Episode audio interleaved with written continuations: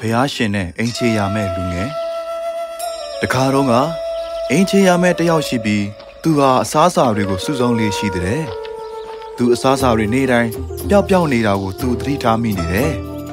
ဒီနေ့ကျတော့သူအစားအစာကိုခိုးစားနေတဲ့ကြွက်ကိုသူမိသွားတယ်ကွယ်။အိုးဒီကြွတ်စုပ်ဘာလို့ငါစားစရာတွေကိုခိုးနေတာလဲ။ ငါကအင်ဂျီယာမဲ့တယောက်ချမ်းသာတဲ့လူတွေစီမှာသွားခိုးလဲပါ။သူတို့သတိထားမိမှာတော့မဟုတ်ဘူးဒါပေမဲ့နေ့စီမှာခိုးရမှာကငါကကြမှာပဲလေ။ဘလို့ဘာဖြစ်လို့ဘာလို့လဲဆိုတော့မင်းရဲ့ကကြမှာမှာမင်းဟာမင်းပိုင်ဆိုင်မှုရှိခုကိုပိုင်လို့ရမယ်မင်းဘလောက်တောင်းစားတောင်းစား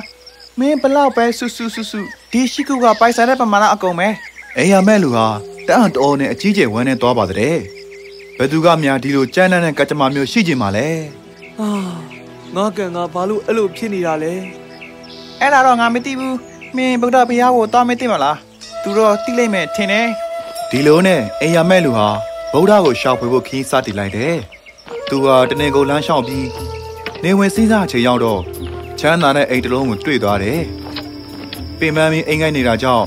သူအဲ့ဒီမှာတညတဲဖို့ဆုံးဖြတ်လိုက်တယ်ဒါကြောင့်သူဟာတခါသွားခေါက်လိုက်တယ်။ဆရာရဲ့ မှောင်လဲမှောင်နေပြီကျွန်တော်ကတခြားရွာကလာတာပါ။တညလောက်များတဲလို့ရမလားဗျာဟုတ်ပြီအထဲဝင်ခဲ့အိမ်ရမဲ့ဟာအိမ်ထဲဝင်လိုက်တာနဲ့အိမ်ရှင်မျိုးသားကမေးတယ်လူငယ်လေးဘယ်နေရာကိုဘာကြောင့်ခီးသွားတဲ့ထိနောက်ကြတာလဲ။အိုးကျွန်တော်မှဖះရှင်ကိုမေးစရာလေးရှိလို့သူနဲ့တွေ့ဖို့အခုသွားနေတာအဲ့ဒါနဲ့အိမ်ရှင်ရဲ့မိန်းမကြီးကသူတို့ပြောတာကိုကြားသွားတယ်ငါ တို့အတွက်မိကွန်းတစ်ခုမေးလာပေးလို့ရမလား။အိုးရတာပေါ့။ကျွန်တော်ခမားကိုသာမေးခဲ့ပေးပါမယ်။ခမားရဲ့မေးခွန်းကဘာများလဲဗျာအော်ငါတို့မှာ16နှစ်အရွယ်စကားမပြောနိုင်တဲ့သမီးလေးတစ်ယောက်ရှိတယ်ငါတို့မေးချင်တာကတော့သူစကားပြောနိုင်မှုငါတို့ဘာတွေလုပ်ရမလဲဆိုတာပဲနောက်တစ်ရက်ရောက်တော့အိမ်ရမဲ့လူဟာသူတို့ကိုနေစရာအတွက်ကျေးဇူးတင်စကားပြီးမင်းခိုင်းတဲ့မင်းကုန်းကိုတေချာမေးလာပေးမယ်အကြောင်းပြောလိုက်တယ်။နှုတ်ဆက်ခဲ့တယ်ဗျို့ ဒီလိုနဲ့ခီးဆက်လာပြီးနောက်မှာသူဖြတ်သွားရမယ့်တောင်ပင်လယ်ကြီးကိုတွေ့သွားတယ်။အိုးဖះသခင်ငါဒါကိုဘယ်လိုဖျက်ရမလဲသူဒီလိုနဲ့တောင်ပေါ်တက်သွားတော့မော်စရာတယောက်နဲ့တွေ့ဆုံခဲ့တာပေါ့။ဆရာကြီးဒါကိုဖျက်ဖို့ကျွန်တော်ကိုကူညီနိုင်မလားကောင်းတက်ခဲ့အိမ်ချရမဲ့လူဟာမော်စရာရဲ့မော်တို့ဘော်ကိုခုတ်တက်လိုက်ပြီးမော်စရာနောက်မှာထိုင်လိုက်တယ်မော်စရာဟာသူ့မော်တို့ကိုတုံးပြီးလူငယ်လေးကိုတင်ပြီး တောင်ပင်လယ်ပေါ်ကနေပြန်သွန်းသွားတယ်သူ့ကိုတောင်ပင်လယ်ပေါ်ကိုဖြတ်နေတဲ့အချိန်မှာမော်စရာဟာလူငယ်ကိုမေးလိုက်တယ်မင်းဘယ်သွားမလို့လဲဘာလို့ဒီတောင်ပင်လေးကိုဖျက်ဖို့ဆုံးဖြတ်လိုက်ရတာလဲ။ကျွန်တော်အခုဖះရှင်နဲ့တွားတွေ့ပြီးတော့ကျွန်တော်ရဲ့ကံကြမ္မာအကြောင်းကိုမေးမလို့ပါဗျာအော်တကယ်လားငါအတွက်မိကွန်းတစ်ခုလောက်များမေးခဲ့ပေးလို့ရမလား ငါကောင်းကင်ဘုံသွားဖို့ကြိုးစားနေတာနှစ်ပေါင်းထောင်ချီပြီကျန်းသာတွေအရာဆိုရင်ငါအခုချိန်မှာကောင်းကင်ဘုံကိုရောက်သေးနေပြီကွ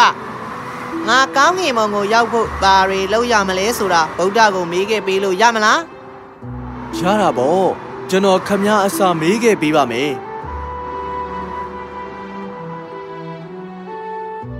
သူခီးဆက်သွားနေတဲ့အချိန်မှာပဲနောက်ဆုံးအခက်အခဲတစ်ခုတွေ့လိုက်ရတယ်ဘာလို့လဲဆိုတော့ သူမဖြတ်နိုင်တဲ့မြစ်ကြီးတစ်ခုပေါ့အိုးသွားပါပြီငါဒီမြေကြီးကိုဘယ်လိုများထပ်ပြီးတော့ဖျက်ရအောင်မလဲကံကောင်းစွာနဲ့ပဲသူဟာသူ့တစ်ဖက်ကန်းကိုတွားဖို့အကူအညီပေးမဲ့အေယာမလိတ်ကြီးနဲ့တွေ့သွားတယ်။သူတို့မြင့်ကိုဖြတ်ကူးနေတဲ့အချိန်မှာလိုက်ကမေးလိုက်တယ်မင်းဘယ်ကိုသွားနေတာလဲ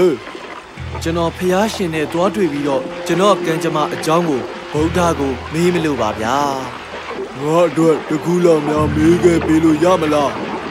တကူလောက်ပေါ့ရတာပေါ့ဘာများလဲဗျငါငကားဖြစ်ဖို့ကြိုးစားနေတာနှစ်ပေါင်း900ကျော်နေပြီပုံမှန်ဆိုရင်ငါအခုငကားဖြစ်တင်နေပြီလေငါငကားဖြစ်ဖို့ဘာတွေလုပ်ရမလဲဆိုတာဗုဒ္ဓဘုရားရှင်ကိုကျေးဇူးပြုပြီးတော့မင်းကမေးခဲ့ပေးလို့များရမလားအဲ့ဒါလေးမေးခဲ့ပေးပါ ညီကိုဖြတ်ကူးဖို့ကူညီပေးတာကျေးဇူးပါပဲလက်ကြီးရေရပါတယ်ကွာပြီးတော့ငါမေးခွန်းကိုမမေးလိုက်နဲ့မမေးပါဘူးဗျာကျွန်တော်ခမားမေးခွန်းကိုမေးခဲ့ပေးပါမယ်အိယာမက်ဟာဗုဒ္ဓနဲ့တွေ့မဲ့ခီးကိုဆွဲသွားခဲ့တယ်နောက်ဆုံးတော့သူသွားကြတဲ့နေရာကိုရောက်သွားခဲ့တယ်အိယာမက်ဟာဘုန်းကြီးကျောင်းရှိမှမတက်ရပြီးတက်ပြေးရှူကြီးချလိုက်တယ်အာ ငါရောက်ပြီကွနောက်ဆုံးတော့ဖះရှင်နဲ့တွေ့ရတော့မယ်ဒီလိုနဲ့အိယာမက်ဟာအထဲကိုစိတ်လုံးရှောင်းမှုတက်ကြွမှုနဲ့ဝင်လာခဲ့တယ်သူနဲ့တခြားလူတွေအတွက်မေးခွန်းမေးဖို့အစဉ်သင့်ရှိနေခဲ့တယ်သူအထဲကိုဝင်သွားပြီးဖះရှင်ကိုဥချလိုက်တယ်ဂျေဇုပြုပြီးတပည့်တော်ဦးချတာကိုလက်ခံပါဖះတပည့်တော်အဝေးကြီးကနေမေခွန်းတချို့မေးဖို့လာခဲ့တာမေးလို့များရနိုင်မလားဖះ မေးလို့ရပါတယ်။ဒါပေမဲ့ငါကိုတော်မေးခု၃ခုကိုဖြေပေးမယ်။၃ခုတည်းပဲ။အရာမဲ့လူစဉ်းစားခက်တာပေါ့။သူ့မှာမေးခု၄ခုရှိတာကို။ဒါပေမဲ့တပည့်တော်မှာ၄ခုရှိတယ်။ဘယ်လိုများလုပ်ရမလဲ။ဒါကြောင့်သူတေချာစဉ်းစားလိုက်တယ်။လက်ကြီးအကြောင်းကိုစဉ်းစားလိုက်တယ်။လက်ကြီးဟာငကားဖြစ်ဖို့ကြိုးစားနေတာနှစ်ပေါင်း900ကျော်နေပြီ။ဆိုးလိုက်တာ။ အရန်နဲ့တဲ့မြစ်ထဲမှာနေရတဲ့ဘဝကအရန်ကိုခက်ခဲမှာပဲပြီးတော့သူဟာကောင်းကင်ဘုံရောက်ဖို့နေပေါင်းတစ်ထောင်ကြော်ကြိုးစားနေတဲ့မော်ဆရာကြောင့်တွေးလိုက်တယ်။အိုးနေပေါင်းတစ်ထောင်ဆိုတာမနှဲဘူးပဲ။သူအခုချိန်မှာကောင်းကင်ဘုံသွားဖို့ထိုက်တန်ပါပြီ။နောက်ဆုံးတော့သူဟာတသက်အလုံးစကားမပြောနိုင်မဲ့ကလေးမလေးအကြောင်းကိုသူတွေးလိုက်ပြန်ရော။အော် စကားမပြောတတ်တဲ့ဘဝတော်တော်ဆိုးရွားမှာပဲနောက်တော့သူ့ကိုသူပြန်ကြည့်လိုက်တယ်ငါကအိမ်ရမဲ့တရောင်းစားတစ်ယောက်ပဲငါနေရက်ကိုပြန်ပြီးတော့ဆက်ပြီးတော့တောင်းစားလို့ရတယ်ငါလုံနေကြအလုပ်ပဲဘာမှမပြောင်းလဲဘူးဒါပေမဲ့သူတို့ကြတော့အဖြေကိုရရင်သူတို့ဘဝကပြောင်းလဲသွားနိုင်တယ်ဒီလိုနဲ့သူဟာတခြားသူတွေရဲ့ပြဿနာကိုကြည့်ပြီးသူ့ပြဿနာဟာတင်းငယ်သွားတာပေါ့ သူဟာလေကြီးမော်စယာနဲ့ကလေးမလေးကိုတနာပြီးသူတို့ရဲ့မိန်းကိုတွေကို မေးပေးဖို့ဆုံးဖြတ်လိုက်တယ်ဒါပေမဲ့ဗုဒ္ဓရဲ့အဖြေတွေကတော့လေကြီးကတော့သူ့အခွန်ကိုမစွတ်လို့ချင်ဘူးသူ့အခွန်ကိုစွတ်လို့နိုင်ဖို့စိတ်မရှိသေး၍သူငကားဖြစ်လာဖို့ဆိုရင်ဘယ်တော့မှဖြစ်လာမှာမဟုတ်ဘူး။အိုးဘသူကဒီလိုတွေးမိမလဲ မော်စယာကအမြဲသူ့တို့ကိုတည်သွားတယ်ဘယ်တော့မှအောက်မချဘူးအဲ့ဒါကသူ့ကိုကောင်းငင်ပုံမရဖို့ကြောင်ဆူချထားသလိုပဲ။အော်တပည့်တော်သူ့ကိုပြောလိုက်ပါမယ်။ဒါနဲ့ကလေးမလေးရရောမင်းကလေးငယ်ကတော့သူ့ရဲ့ဖူးစာရှင်နဲ့တွေ့တဲ့အခါကျရင်စကားပြောနိုင်သွားလိမ့်မယ်။ဂျေဇုတင်ပါတယ်အရှင်ဖေယားဗုဒ္ဓဟာသူ့ကိုကြည့်ပြီးပြုံးနေတယ်အိယာမဲ့လူဟာ ဖះရှင်ကိုဥညွတ်ပြီးအိမ်ပြန်ခီးစားတင်လိုက်တယ်သူနဲ့လက်ကြီးနဲ့ပြန်တွေ့ကြတယ်။ဟေးမေးခဲ့ဒီလား။အိုးမေးခဲ့တာပေါ့။ခမည်းရဲ့အခွန်ကိုချွတ်ဖို့ပဲလိုတာဗျ။ပြီးရင်ခမည်းငကားဖြစ်ပြီလက်ကြီးဟာသူ့ခုကိုချွတ်လိုက်တော့အထဲမှာရေအောက်ကနေရထားတဲ့အဖိုးမပြတ်နိုင်တဲ့ပလဲတွေရှိနေတယ်။အရာတွေအားလုံးကိုသူ့အိမ်ရမဲ့လူကိုပေးလိုက်တယ်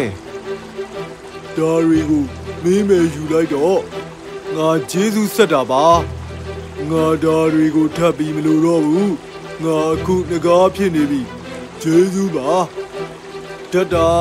။ပြီးတော့သူဟာအဝေးကိုပြန်ထွက်သွားတယ်။အိမ်ရမဲ့လူဟာတောင်ထဲကိုရောက်တော့မော်စယာနဲ့ပြန်ဆုံသွားတယ်ဆရာကြီးရဲ့မော်တုတ်ကိုချထားဖို့ပဲလိုတာဗျဒါဆိုရင်တော့ကောင်းကင်ဘုံကိုသွားလို့ရပြီတကယ်လား ဗုဒ္ဓကအဲ့ဒီလိုပြောခဲ့တာဗျ။ဒါကြောင့်မော်စယာဟာသူ့မော်ဒုတ်တန်ကိုအိမ်ရမဲ့လူငယ်ကိုပေးပြီးနှုတ်ဆက်စကားပြောပြီးတော့ကောင်းကင်ဘုတ်ကိုတက်သွားတယ်ကွယ်။နှုတ်ဆက်ခဲ့တဲ့လူကလေးရေကောင်းကောင်းနေခဲ့ အိမ်ရမဲ့လူငယ်လေးမှာလိတ်စီကရထားတဲ့ယတနာတွေမော်စယာစီကရတဲ့အစွမ်းတွေရှိနေပြီးသူဟာသူ့ကိုတဲခိုခွေပေးခဲ့တဲ့မိသားစုစီကိုပြန်သွားတယ်။သူတို့ဟာလူငယ်လေးကိုမြင်တော့အယမ်းပျော်သွားပြီးဖြေကိုတီးကျင်ကြတာပေါ့ဖះရှင်ကဒီလိုပြောတယ်ခမည်းတော်သမီးကသူ့ဖူးစာရှင်နဲ့တွေ့တဲ့အခါကျရင်စကားပြောနိုင်လိမ့်မယ်တဲ့။အဲ့ဒီအချိန်မှာပဲသူတို့သမီးဟာပေါ်တာကနေဆင်းလာပြီးစကားပြောလိုက်တယ်ဟေးဒဒီလူကဟိုတပတ်တည်းကသွားတဲ့လူလား မင်းကလေးနဲ့သူ့မိဘတွေဟာအံ့ဩသွားကြတယ်သူတို့ဟာအိမ်ရမဲ့လူငယ်ကိုကြည့်လိုက်ကြတယ်သူဟာမင်းကလေးရဲ့ဖူးစာရှင်ပဲမိဘတွေဟာသူတို့အတွက်မင်္ဂလာပွဲစီစဉ်ပေးပြီးတော့သူတို့ဟာအသက်ထက်ဆုံးပျော်ရွှင်စွာနေသွားကြတဲ့ဒါကြောင့်မှတ်ထားပါမိတ်ဆွေတို့ရေမင်းတို့လုပ်တဲ့ကောင်းခြင်းတွေအကုန်လုံးကမင်းတို့စီပြန်လာလိမ့်မယ်ဆိုတာကိုပေါ့